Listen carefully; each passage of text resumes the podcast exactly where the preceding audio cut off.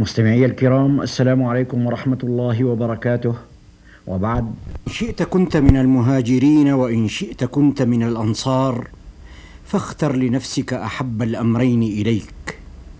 بهذه الكلمات مستمعي الكرام خاطب الرسول عليه السلام حذيفة بن اليمان حين لقيه أول مرة.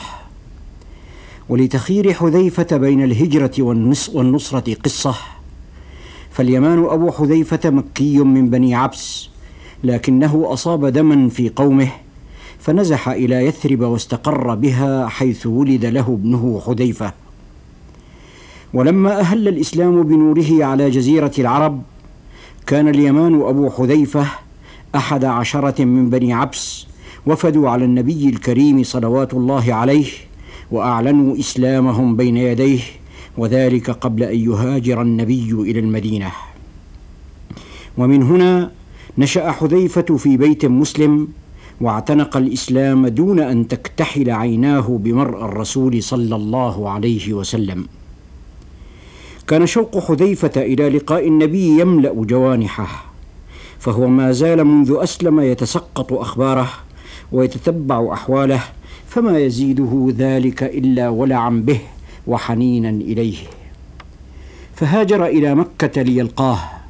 فلما جلس بين يديه سأله قائلا أمهاجر أنا أم أنصاري يا رسول الله؟ فقال عليه السلام إن شئت كنت مهاجرا وإن شئت كنت أنصاريا فاختر لنفسك ما تحب. فقال بل أنا أنصاري يا رسول الله. ثم هاجر الرسول عليه السلام إلى المدينة فلازمه حذيفة ملازمة العين لأختها وشهد معه المواقع كلها إلا بدرا. ولما كانت أحد خاضها حذيفة مع أبيه اليمان. أما حذيفة فأبلى فيها أعظم البلاء وخرج منها سالما.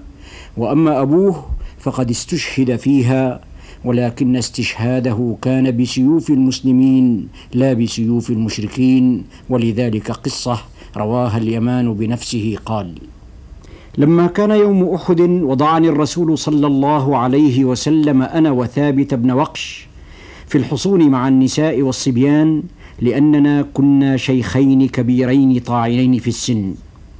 فلما حمي وطيس المعركة قلت لصاحبي لا أبا لك ما تنتظر.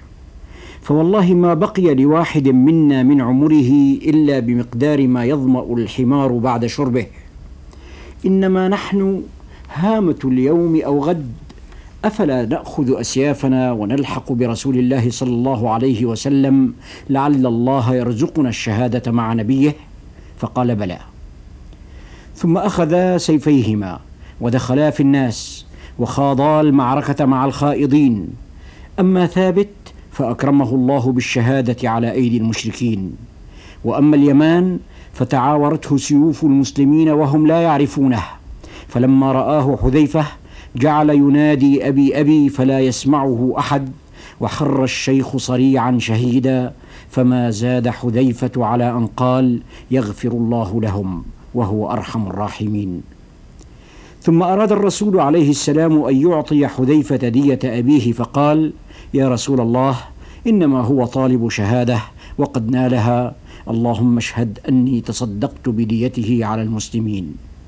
فزاده ذلك منزلة عند النبي عليه السلام. سبر الرسول عليه السلام غور حذيفة منذ رآه أول مرة فتجلت له فيه خلال ثلاث ذكاء وقاد وبديهة مطاوعة وكتمان للسر. فعزم عليه السلام أن يضع مواهبه هذه في خدمة الإسلام والمسلمين. وكانت أكبر مشكلة تواجه المسلمين في المدينة هي وجود المنافقين من اليهود وأشياعهم وما يحيكونه للنبي عليه السلام من مكائد ودسائس. فافضى النبي صلوات الله عليه لحذيفة بن اليمان بأسماء المنافقين وهو سر لم يطلع عليه أحدا أبدا من أصحابه. وعهد إليه برصد حركاتهم وتتبع نشاطهم ودرء خطرهم عن الإسلام. ومنذ ذلك اليوم دعي حذيفة بن اليمان بصاحب سر رسول الله صلى الله عليه وسلم. وقد استعان الرسول عليه السلام بمواهب حذيفة في موقف من أشد المواقف خطرا وأحوجها إلى الذكاء الفذ والبديهة المطاوعة. وذلك في ذروة غزوة الخندق حيث كان المسلمون قد أحاط بهم العدو من فوقهم ومن تحتهم وطال عليهم الحصار واشتد عليهم البلاء حتى زاغت الأبصار وبلغت القلوب الحناجر وأخذ المسلمون يظنون بالله الظنون. ولم تكن قريش آنئذ هي وأحلافها من المشركين بأحسن حالا من المسلمين فقد صب عليها الله عز وجل من غضبه ما أوهن قواها وزلزل عزائمها فأرسل عليها ريحا صرصرا تقلب بيوتها وتكفأ قدورها وتطفئ نيرانها وتقذف وجوهها بالحصباء والتراب. في هذه المواقف الحاسمة من تاريخ الحروب مستمعي الكرام يكون الفريق الخاسر هو الذي يئن أولا. ويكون الفريق الرابح هو الذي يضبط نفسه عن الأنة لحظة بعد صاحبه. واستخبار استخبارات الجيوش هي التي تقدر المواقف وتسدي المشورات. لذا عزم الرسول عليه السلام أن يبعث حذيفة بن اليمان إلى قلب جيش العدو تحت جنح الظلام ليأتيه بأخبار القوم قبل أن يبرم أمرا. فلنترك لحذيفة الكلام ليحدثنا عن رحلة الموت هذه قال حذيفة. كنا في تلك الليلة صافين قعودا وأبو سفيان ومن معه فوقنا وبنو قريظة من اليهود أسفل منا وما أتت علينا ليلة قط أشد ظلمة ولا أقوى ريحا ولا أقسى بردا منها. وفيما نحن كذلك قام النبي عليه السلام وجعل يمر بنا واحدا واحدا حتى أتى إلي وما علي شيء يسترني إلا مرط لامرأتي ما يجاوز ركبتي. فأقبل علي وأنا جاث على الأرض فقال من هذا؟ قلت حذيفة.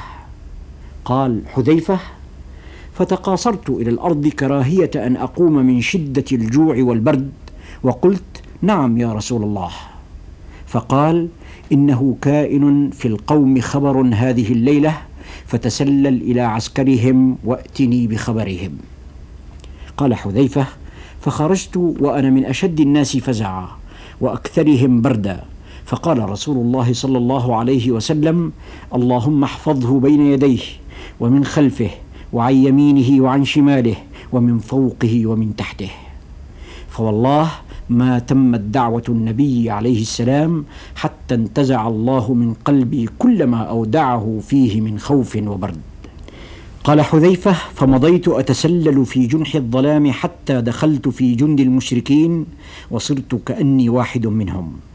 فقام أبو سفيان وقال يا معشر قريش إني قائل لكم قولا أخشى أن يبلغ محمدا فلينظر كل رجل منكم من جليسه. قال حذيفة فأخذت بيد الرجل الذي كان جنبي وقلت له من أنت؟ فقال فلان ابن فلان. وهنا قال أبو سفيان يا معشر قريش إنكم والله ما أصبحتم بدار قرار. لقد هلكت رواحلنا وتخلت عنا بنو قريضة ولقينا من شدة الريح ما ترون فارتحلوا فإني مرتحل. ثم قام إلى جمله ففك عقاله وعلى ظهره فتبعه الناس. قال حذيفة فرجعت إلى رسول الله صلى الله عليه وسلم فوجدته قائما يصلي في مرط لبعض نسائه. فلما رآني أدناني إلى رجليه وطرح علي طرف المرط فأخبرته الخبر فسر به أعظم السرور وعلم أن الله كفى المؤمنين شر القتال. امتدت الحياة بحذيفة بن اليمان حتى فتح للمسلمين من البلدان ما يصلح أن يكون مملكة كاملة. فقد فتح الله على يديه نهاوند والدينور وهمذان والري ثم إنه كان بالإضافة إلى ذلك كله سببا في جمع المسلمين على مصحف واحد بعد أن كادوا يفترقون في كتاب الله. لكن حذيفة على الرغم من ذلك كله كان كثير الخوف على نفسه من عذاب الله. شديد الخشية من عقابه. فهو حين ثقل عليه مرض الموت جاءه أصحابه في جوف الليل فقال أي ساعة هذه؟ فقالوا نحن قريب من الصبح. فتنهد وقال أعوذ بالله من صباح يفضي بي إلى النار. ثم قال أجئتم بكفن؟ فقالوا نعم. قال لا تغالوا بالأكفان فإن يكن لي عند الله خير بدلت به خيرا. وإن كانت الأخرى سلب مني. ثم جعل يقول اللهم إنك تعلم أني كنت أحب الفقر على الغنى وأحب الذل على العز وأحب الموت على الحياة. ثم نظر إلى يمينه كأنما يستقبل قادما وقال حبيب جاء على شوق لا أفلح من ندم وفاضت روحه. والسلام عليكم ورحمة الله وبركاته.